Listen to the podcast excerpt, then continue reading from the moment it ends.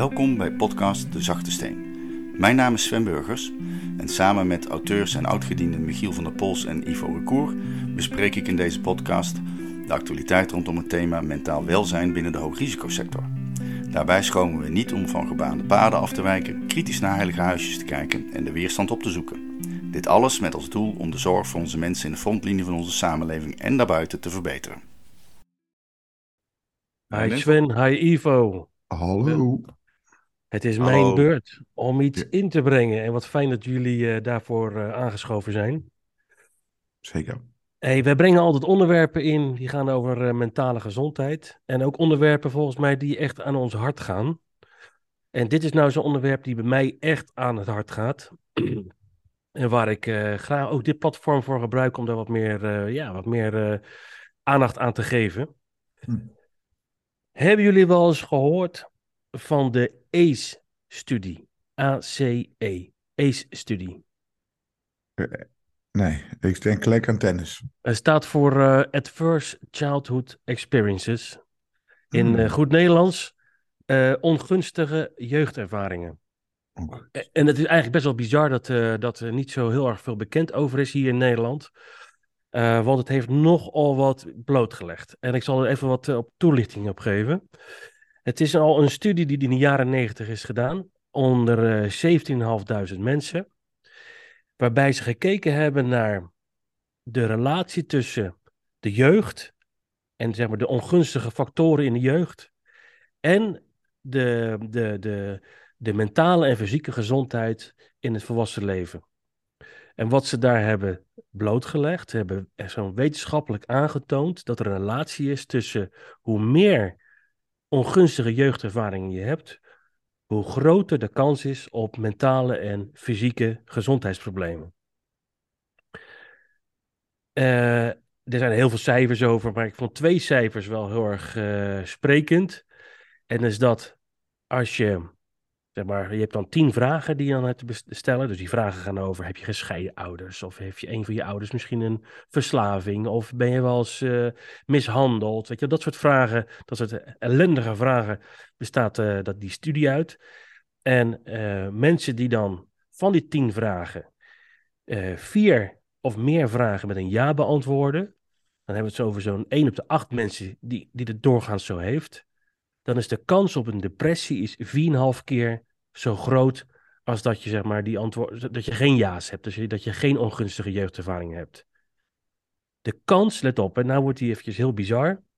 Dus als je vier keer ja antwoordt op de 10 vragen, dan is de kans op suicidaal gedrag 12 keer zo groot. 12 keer zo groot. Heftig, man. En wat ze dus hebben blootgelegd is dus die relatie. Hè? En dus gaat dus over een, een, een, trauma wat je als kind kan, eh, kan, eh, kan oplopen door, door die heftige jeugdervaringen. Nou, ik herken dat wel. Zeg maar, deze studie was, toen ik dat, eh, toen ik dat las, was het echt een soort van ik- Eureka-gevoel. Want het bevestigde eigenlijk hetgene wat ik ook in mijn praktijk zie. Is Mhm. dat mensen die bij mij in de praktijk komen, dan zie je ook vaak dat er dingen in de jeugd zijn gebeurd die, ehm, ja, die mensen gevormd heeft. En waardoor ze hun gedrag hebben aangepast.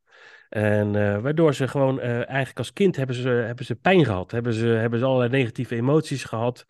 En, ehm, en eh, dat heeft heel veel stress opgeleverd. Waardoor ze eigenlijk ook in hun volwassen leven moeite hebben om zichzelf te zijn. Ehm, En heeft het dan te maken met het brein wat dan in de ontwikkeling gaat? Ja, dat heeft natuurlijk, dat heeft natuurlijk een aantal oorzaken. Is dat, het is voor iedereen, hè, dus je kan ook gewoon als, eh, als eh, in je volwassen leven kan je natuurlijk ook trauma oplopen. Maar dan is je brein vaak natuurlijk al eh, volgroeid. Mhm. En heeft het misschien wat minder impact. Maar als je als kind opgroeit en je, en je brein, je hele lichaam is nog in ontwikkeling. Dan gaat je lichaam en je brein, dat is eigenlijk één, je, je lichaam gaat op stress reageren. En die gaat natuurlijk zorgen dat hij daarmee om kan gaan. Eh, dus het heeft, ze hebben aangetoond dat, natuurlijk dat stress eh, eh, invloed heeft op de ontwikkeling van je brein, je stressresponssysteem, je immuunsysteem, je hormonale, hormonale systeem, maar ook zelfs je DNA.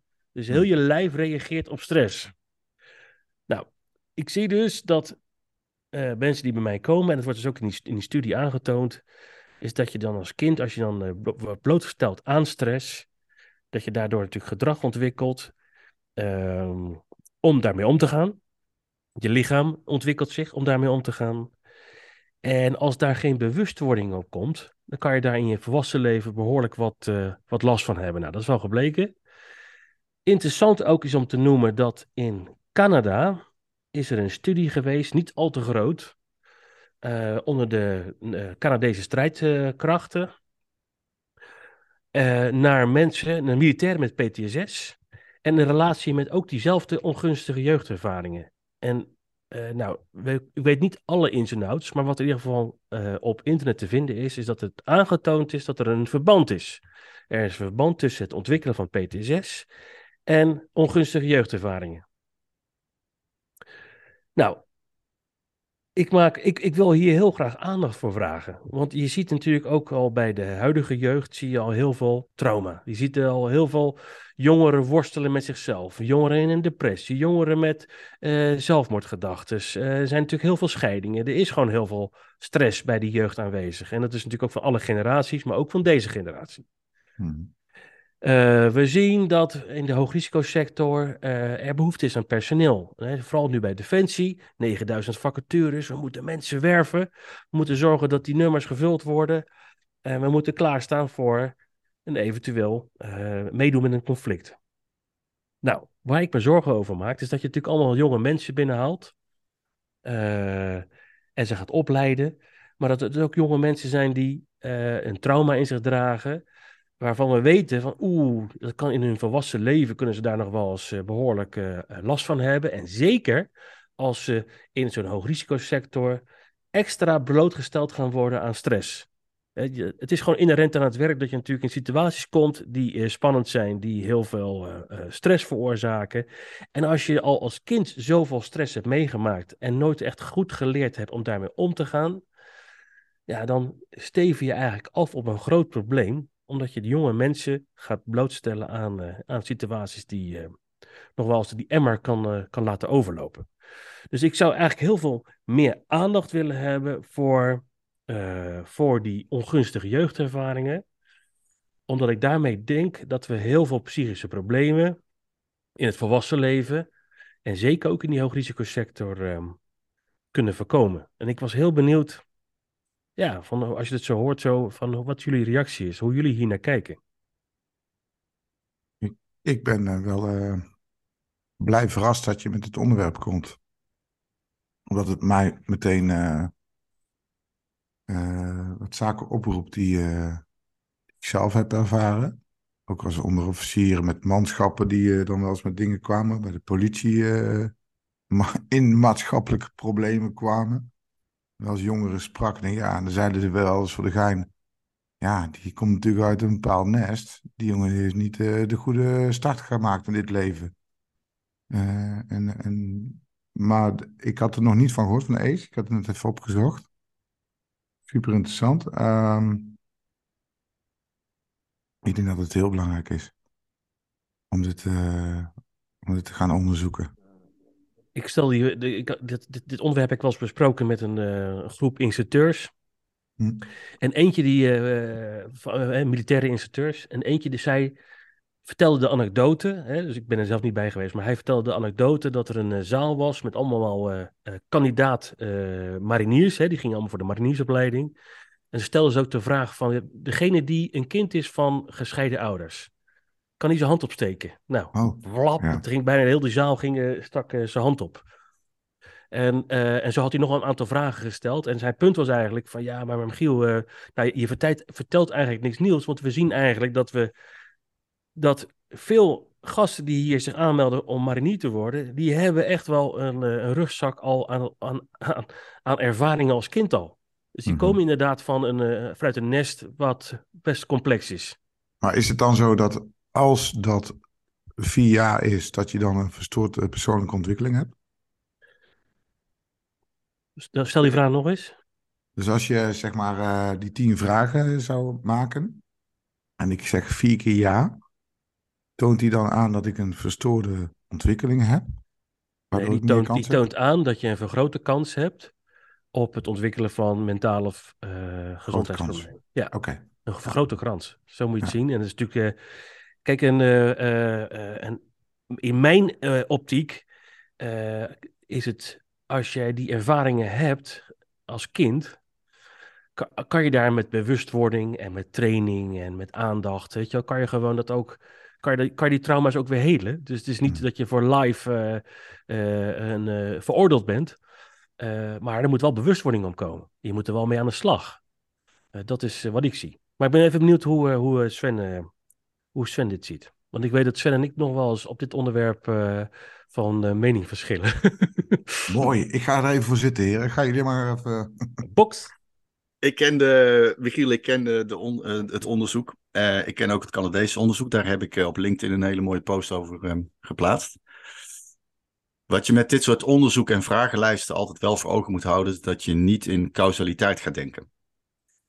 Dus je bent kind van gescheiden ouders, dus.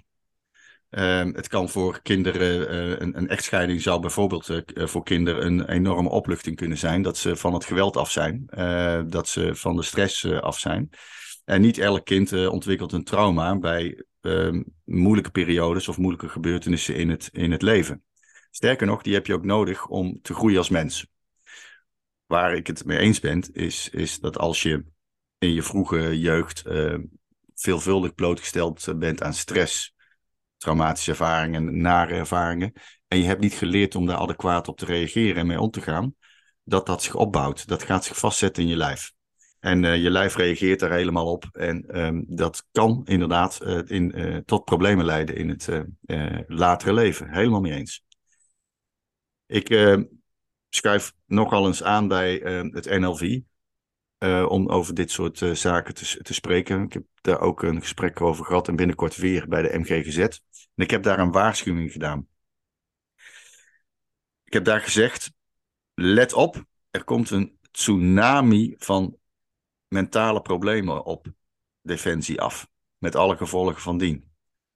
En dat heb ik zo stevig neergezet, omdat blijkt uit onderzoeken, gewoon cijfers die het CBS verzameld heeft, dat één op de twee jongvolwassenen die solliciteren bij de hoogrisicoberoepen, in dit eh, geval eh, dus ook Defensie, zelf aangeeft te kampen met ernstige, ik benadruk, ernstige psychische klachten. En wat zie je nou vaak bij mensen die last hebben van onverwerkte trauma's, eh, niet lekker in hun vel zitten, klachten hebben, die worden, althans dat is mijn ervaring destijds in mijn periode als selectiepsycholoog bij Defensie, als het ware als een magneet naar die hoogrisicoberoepen aangetrokken. Daar zoeken zij de discipline, de hulp, de kameraadschap, de geborgenheid. Eh, als het ware, de organisatie moet hen helpen helen. Het is goed voor hun zelfbeeld, eh, hun zelfvertrouwen, als ze dat allemaal zouden kunnen volbrengen.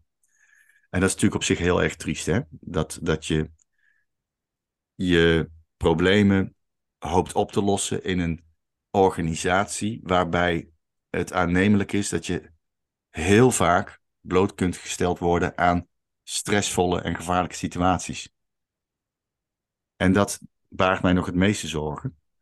Dus ik ben heel blij, Michiel, dat je deze uh, zaken, dit onderwerp bespreekbaar maakt. Want dit gaat me echt aan het hart.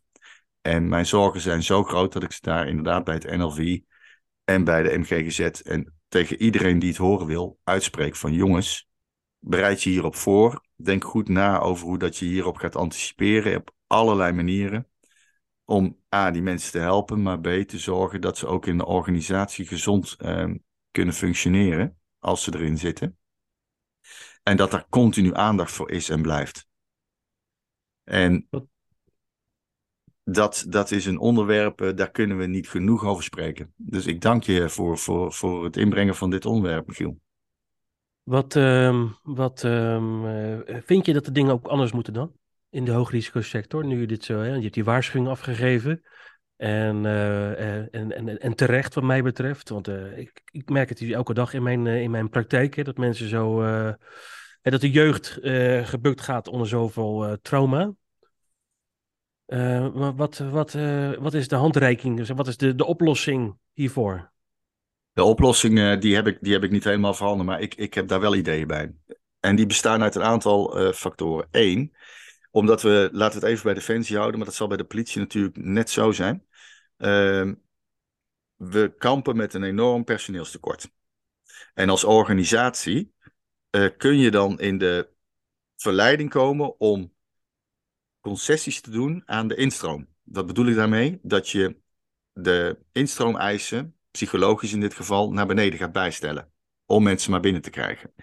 Daarmee neem je dan de verantwoordelijkheid op je dat je een, ingecalculeerd risico uh, wil lopen om te kijken of mensen door de opleiding komen en later kunnen gaan functioneren. Als, nu, als, als, als je zegt van, um, um, dat je het belang van de organisatie moet dienen met de juiste mensen op de juiste plaats, vind ik tegelijkertijd dat je ook de verantwoordelijkheid moet nemen om mensen te beschermen tegen zichzelf. En dat betekent dat ik vind, en dat is een persoonlijke mening, dat je aan de voorkant heel erg uh, streng moet gaan uh, selecteren. En dat je misschien wel meer mensen moet gaan afwijzen dan je lief is. Omdat je daarmee op de korte en middellange termijn uh, waarschijnlijk door die afwijzing, door, door, door dat afwijzingspercentage, jouw openstaande vacatures niet snel kunt vullen. Maar ik denk dat als je naar een langere termijn gaat kijken, dat je de mensen die je afgewezen hebt, een plezier hebt gedaan om ze tegen zichzelf in bescherming te nemen. En dat je als organisatie op de langere termijn het misschien wel voor elkaar krijgt om, doordat je juist zo streng um, selecteert, de vacatures wel voor langere tijd gevuld gaat krijgen, althans de kans daarop groter is, met mensen die geschikt zijn om het werk te kunnen doen. En dat vooral ook kunnen volhouden, uh, mentaal. Dus iets meer tijd nemen om de organisatie te vullen met mensen die, waarvan, waarvan de, de, de kans is dat ze mentaal belastbaar zijn voor langere termijn en daar ook gezond uh, in kunnen functioneren en gezond in kunnen blijven. Denk dat het een hele belangrijk is. Moeten er andere dingen uh, veranderen in opleiding, training en uh, gedurende de loopbaan? Nou, ik nodig je uit. Jullie hebben het alle twee al, al um, gedaan, uitgebreid gedaan. Dank daarvoor. Maar ik nodig de luisteraars uit. Lees mijn boek Barsten in de Ziel, want die ga ik uitgebreid uh, op in.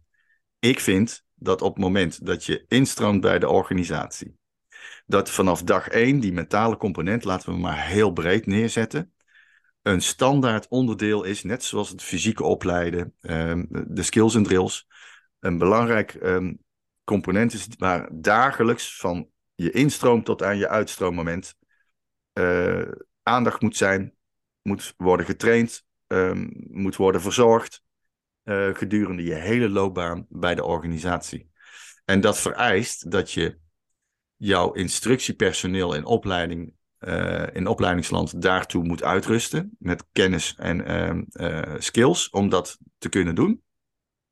En B, dat je een monitorsysteem zou kunnen ontwikkelen waarin je de mentale, uh, het mentale welzijn kunt borgen. En zodat je ook vroeg uh, signalen die je eventueel zou kunnen ontvangen, dat je daar heel vroeg op kunt anticiperen. En laat, laat me één ding duidelijk vertellen.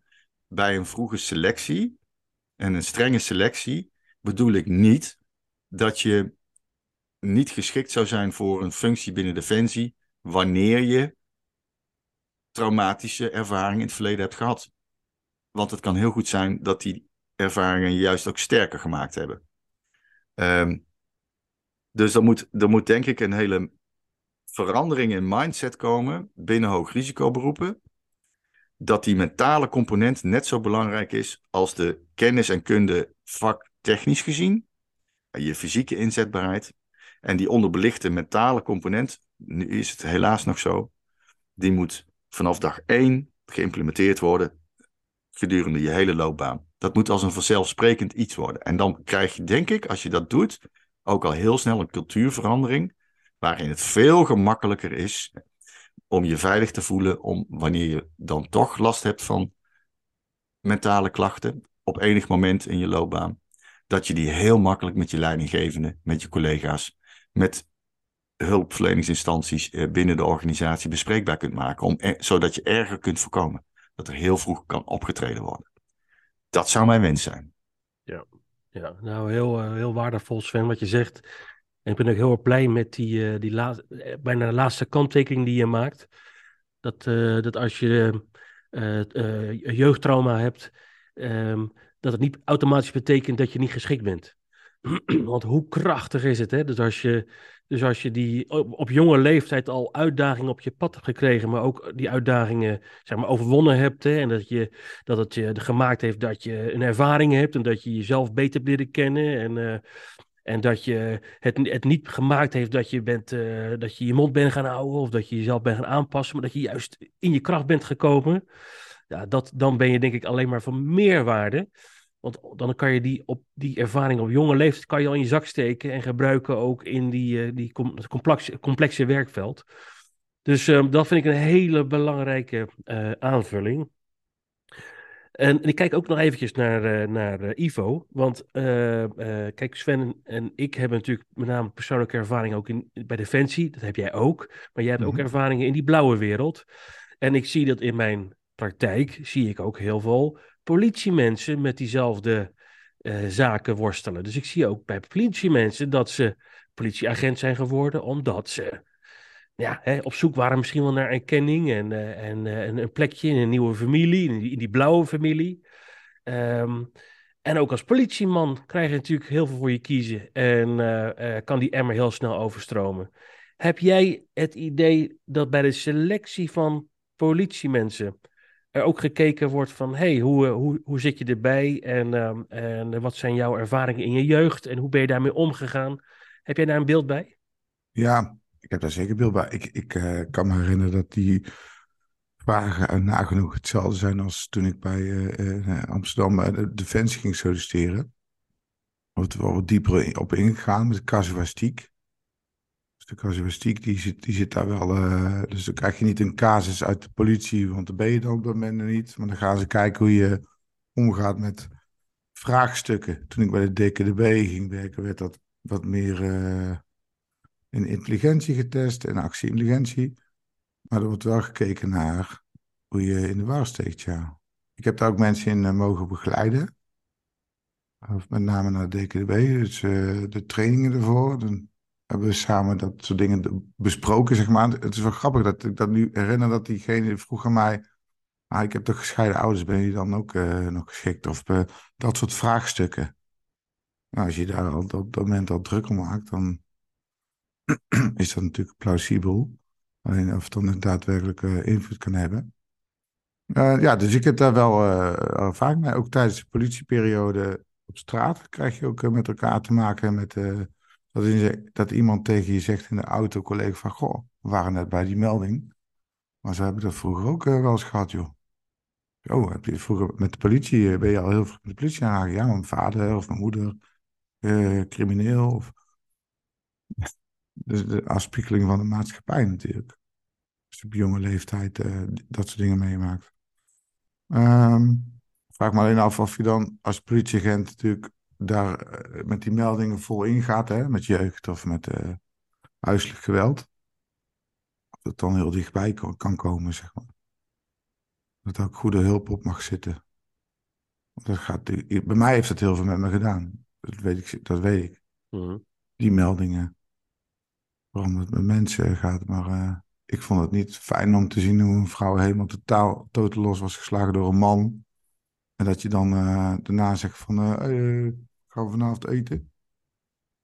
Ik dacht van ja, daar wilde ik, wilde ik eigenlijk wel even over praten, zeg maar. Maar die ruimte is er niet altijd. Er is niet altijd ruimte om eh, eh, volledig stil te staan. Bewustwording, eh, vastgrijpen van de situatie. Ah, wat heeft het met jou gedaan? Nee, einde dienst, snel je, je op het haakje hangen. Is het vrijdagavond, heb je nog tijd voor jezelf. Heb naar huis. En praten komt later wel. Maar ja, goed, wat ik, wat ik dan ook zie, hè, is dat jij, jij zegt het zo, dit voorbeeld. En, eh, en, en, en ik, maak het, ik sla het lekker even plat. En stel nou dat jij je zit in deze situatie en jij kiest er dan ook voor van oké, nou ja, ik, ik had er eigenlijk wel even bij stil willen staan, maar ja, oké, eh, ik- ik- er is geen ruimte voor. En, ik, eh, en ik, eh, ik, ik pak die ruimte zelf ook niet. Ehm, dat is natuurlijk iets ook wat in jezelf dan afspeelt, hè? Dus, eh, Ja, eh, en- het is even een korte, korte anekdote. Hè? dus, dat snap ik, snap ik. Wat mijn punt is eigenlijk van dat, eh, dat het gedrag wat je als volwassene dan inzet. Hè, dus stel je dat je kiest om te zwijgen terwijl je eigenlijk wil praten. Of je, je kiest ervoor om je aan te passen terwijl je eigenlijk gewoon jezelf wil zijn. Of je kiest ervoor om maar een leugentje om best wel tegen je leidinggevende te vertellen, terwijl je, terwijl je eigenlijk gewoon de waarheid moet vertellen. Hmm. Dat zijn allemaal processen die natuurlijk in jezelf eh, spelen. En die vaak in mijn optiek een relatie hebben ook hoe je dat als kind deed. En ehm, eh, dus hoe je, kijk dat je natuurlijk allerlei heftige situaties meemaakt, ook als politieman. Eh, de, de manier waarop je daarop reageert, ehm, daar, zit, daar zitten veel verbanden in van hoe je ook reageert, gereageerd hebt als kind op, nou ja, vervelende dingen. Ehm, de manier waarop je op een dominante leidinggevende reageert als volwassen politieman. Daar zie je ook vaak een relatie in hoe je als kind reageerde, bijvoorbeeld op je dominante vader. Ik noem maar wat. Nou, ik heb heel veel van dat soort voorbeelden in mijn eigen boek eh, gezet. eh, juist ook om hier wat bewustwording op te zetten. Dat het zo belangrijk is om te kijken naar hoe je, hoe je als kind hebt gereageerd op de context waarin je opgroeide. En om te kijken in hoeverre ben je bij jezelf gebleven of heb ik mezelf zo enorm aangepast? En als je je aanpast en je gaat aangepast reageren op, op stress en op gevaar en wat je allemaal meemaakt in die complexe hoogrisicowereld, ja, eh, hoe groter de kans is dat je natuurlijk jezelf daarin gaat kwijtraken. Ja, En eens. ik zou ook echt een, eh, ook een, eh, een pleidooi willen houden van als je dus, als je dan ook vastloopt, hè, dus als je in een PTSS-situatie zit of een anderszins, dat je niet, niet alleen maar kijkt naar de, de, heftige situatie die je in je werkveld hebt meegemaakt, maar dat je vooral kijkt van hoe heb ik daar nou op gereageerd? En hoe heb ik nou, ben ik dicht bij mezelf gebleven of heb ik, heb ik heel erg aangepast gereageerd? En hoe heb ik dat als kind gedaan? Wat is er in mijn kindtijd gebeurd eh, op, eh, in, eh, met heftige omstandigheden? Dus dat je natuurlijk aandacht hebt voor het verwerken van allerlei heftige incidenten, maar dat je ook aandacht hebt voor, ben je in staat, heb jij in je leven, ben je in staat geweest om dicht bij jezelf te blijven? Ja, het is wel zo dat ik dit, dit hoor van jou en zeg van... "Wah, zouden we meteen allemaal moeten doen? Gisteren al. Maar in de praktijk, Michiel. Hè, dan sta je op de trap boven. Even een eh, herinnering van mij. Hey, ik had er best wel last eh, van, van die melding. Hoe heb jij dat ervaren? Ja, ik heb nou even geen tijd hiervoor. Sorry, ik, ik heb administratie. eh, kunnen we dat volgende week ergens bespreken? Hmm, snap, Momentum. Ik snap heel Ja. goed wat je zegt. Terwijl, Dat- eh, Sven? Ja. Ja, ja ik, ik, ik, ik, ik, ik moet meteen denken aan, eh, als, als jij dat allemaal zo zegt, hè, met die voorbeelden. Mhm. Ehm, je had eh, heel lang geleden, daarmee geef ik al aan hoe oud ik ben, had je een eh politieserie Hill Street Blues. Hebben jullie daar wel eens over van gehoord of gezien? Sven, ik ben 47, dus ik heb daar, ik heb daar nog net van meegeproefd. Daar had je, daar had je Sergeant Opa vertelt. Esterhaus. Sergeant Esterhaus, ken je hem nog? Ja. Die, die kalme, wijze uil van de eenheid, waar je altijd bij terecht kon en die altijd zijn voelsprieten uit had hoe het met je ging. En die zelf naar je toestapte van, eh, kom, we gaan eens even een kop koffie drinken. Ik zou zo'n eenheid, zoals, zoals bij de politie of waar dan ook, zou ik het zo gunnen dat er binnen zo'n eenheid zo'n Sergeant Esterhaus, man of vrouw, was die precies wist hoe het er met je voor stond. Die ook heel goed kon inschatten als je naar zo'n melding terugkomt, hoe dat je je wel eventueel zou kunnen voelen. En waar je gewoon op een hele ongedwongen manier je verhaal even kwijt kunt. Ik denk dat dat zo waardevol zou zijn. Die zijn er niet veel. Nee, die zijn er niet veel. Mijn, En ik- ik- mijn ik- P, eh, mijn P-officier, eh, of hoe dat he- heet bij de politie, ik ben het even kwijt. P-verantwoordelijke, personeelsverantwoordelijke. Die zei daarna dat ik mijn boek had uitgebracht, kwam hij naar me toe. Hij zegt, ja, ik heb hier eigenlijk nooit goed eh, met jou hierover doorgepraat, hè? Ik zei, spijt me, zei hij. Oh, dat is wel Vond mooi. ik wel heel waardevol. En ik vind het idee waardevol. van, van Sven ook heel waardevol. En eigenlijk, eigenlijk zou, je, zou je gunnen dat je allemaal gewoon eh, zo eh, oog hebt voor jezelf en voor elkaar. Hè? Dat zou je het gunnen. En zeker ook de, de leidinggevende, dat die dat automatisch ook doet. Dus eh, dat hebben we natuurlijk al eerder besproken. Niet alleen maar aandacht voor het operationele, maar ook voor het eh, mentale welzijnscomponent. Maar zo'n deze oplossing, dat je iemand in de eenheid verantwoordelijk maakt voor het gevoel in de groep, zeg maar.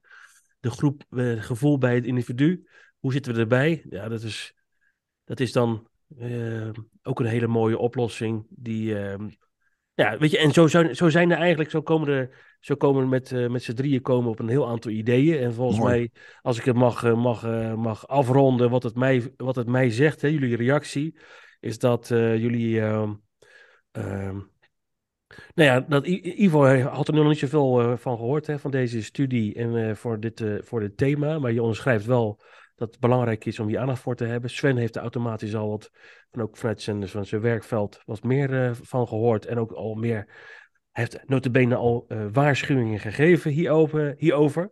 Dus eh, die waarschuwingen mogen volgens mij ook te harte nemen. Er mag veel meer aandacht zijn voor dat, eh, voor dat ja, voor die ongunstige jeugdervaringen waar iemand eh, eh, last van kan hebben. Betekent niet dat de poort gesloten blijft, maar dat, eh, dat we vooral kijken van ja, hoe ben je met die ervaringen omgegaan. En, en als je eenmaal binnen bent in die hoogrisicosector, je bent aan de slag, moeten we ook continu aandacht hebben voor dit, dit onderwerp. om om voor mij psychische problemen te voorkomen. En als je er eenmaal zit, dat je ook wel weer eens, en dat is even mijn aanvulling, dat je, dat je, ook, dat je ook aandacht hebt van hey, hoe ging dat dan vroeger? Hoe deed dat vroeger dan ook in je jeugd?